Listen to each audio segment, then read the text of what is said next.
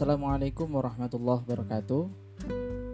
Selamat datang di Penari Podcast Pesan dari Hati. Saya Sirajuddin, insya Allah pada kesempatan ini saya ingin berbagi cerita. Cerita ini merupakan pengalaman pribadi saya. Jadi beberapa waktu yang lalu, kurang lebih tiga pekan yang lalu, saya mengantar adik saya untuk melakukan rapid test di salah satu puskesmas di kota Semarang. Sesampainya di puskesmas tersebut, sebagaimana biasanya mengambil nomor antrian, kemudian mendaftar dan menunggu.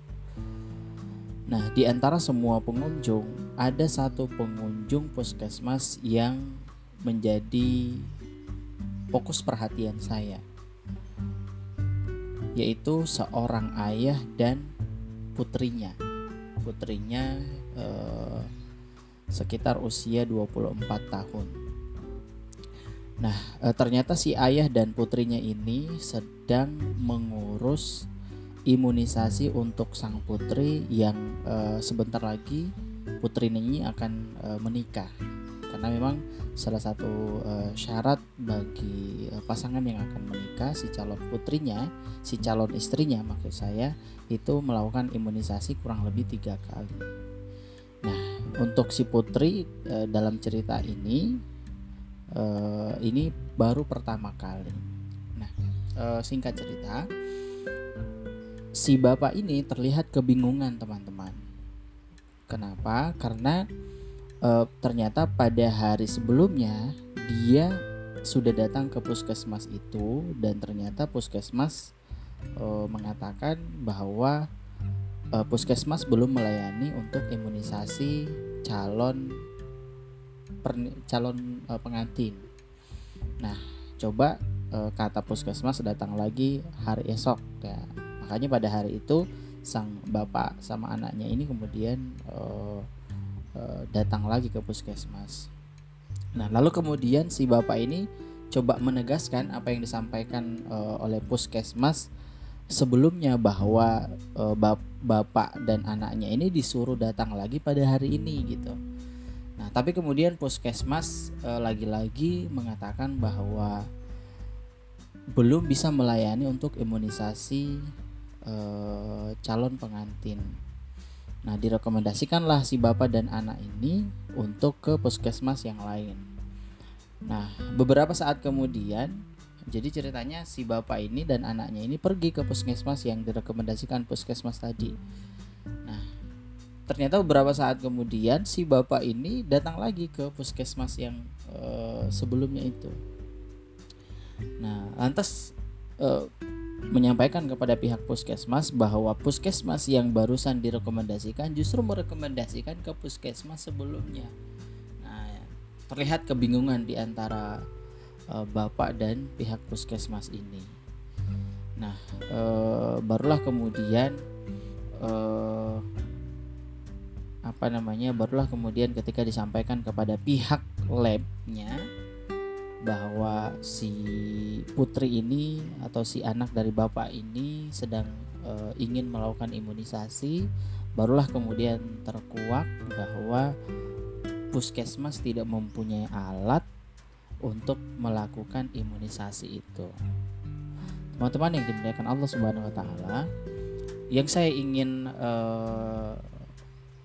soroti pada e, kisah atau cerita ini bukan tentang uh, pelayanan puskesmas yang terbatas, kemudian alat pus ya alat-alat kesehatan yang ada di puskesmas yang uh, kurang, bukan itu. Tapi saya ingin uh, menyoroti tentang tanggung jawab seorang ayah. Karena uh, saya melihat pada saat itu peran seorang ayah itu begitu luar biasa. Jadi ketika pada saat di puskesmas itu jadi yang yang e, berkomunikasi secara langsung kepada pihak puskesmas adalah ayahnya yang ngotot anaknya harus diimunisasi itu ayahnya saya kemudian e, menyimpulkan wah luar biasa ayah ini sangat bertanggung jawab kepada anaknya. Jadi saya berpikiran inilah ayah yang eh, betul-betul bertanggung jawab kepada anaknya. Dia tidak ingin sebelum ia eh, sebelum anaknya diberikan kepada orang lain sebelum anaknya ditanggung oleh orang lain tanggung jawabnya belum selesai. Oleh karenanya mungkin bapak itu berpikir bahwa inilah jasa terakhir saya yang bisa saya lakukan sebelum kamu menikah.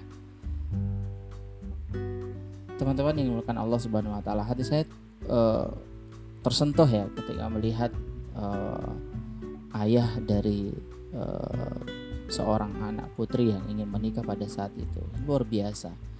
Anaknya uh, ayahnya terlihat uh, sudah tua tapi betul-betul tidak mau melewatkan momen ketika anaknya uh, sedang mempersiapkan uh, pernikahan. Nah, teman-teman yang uh, saya muliakan, saya ingin berpesan kepada teman-teman uh, saya yang yang putri, yang akhwat ya. Jika Anda saat ini sedang mencari siapa pendamping hidup Anda. Jika Anda saat ini kesulitan mencari ciri-ciri siapa yang akan menjadi calon pendamping hidup Anda, maka saran saya lihat bapak Anda. Lihat bapak yang sudah bertanggung jawab terhadap hidup Anda. Bagaimana bapak Anda itu kemudian bisa anda ambil untuk menentukan siapa yang akan berhak menjadi pendamping hidup Anda. Karena seorang ayah tidak akan mungkin meninggalkan tanggung jawab terhadap anaknya. Tidak mungkin. Sejahat-jahatnya ayah, pasti ia akan bertanggung jawab terhadap anak-anaknya. Maka so ketika Anda memilih laki-laki yang persis seperti ayah Anda, maka yakin dan percaya Anda tidak akan disia-siakan. Suami Anda pasti akan bertanggung jawab kepada Anda. Terima kasih teman-teman, mudah-mudahan bisa bermanfaat. Sampai ketemu di cerita-cerita berikutnya.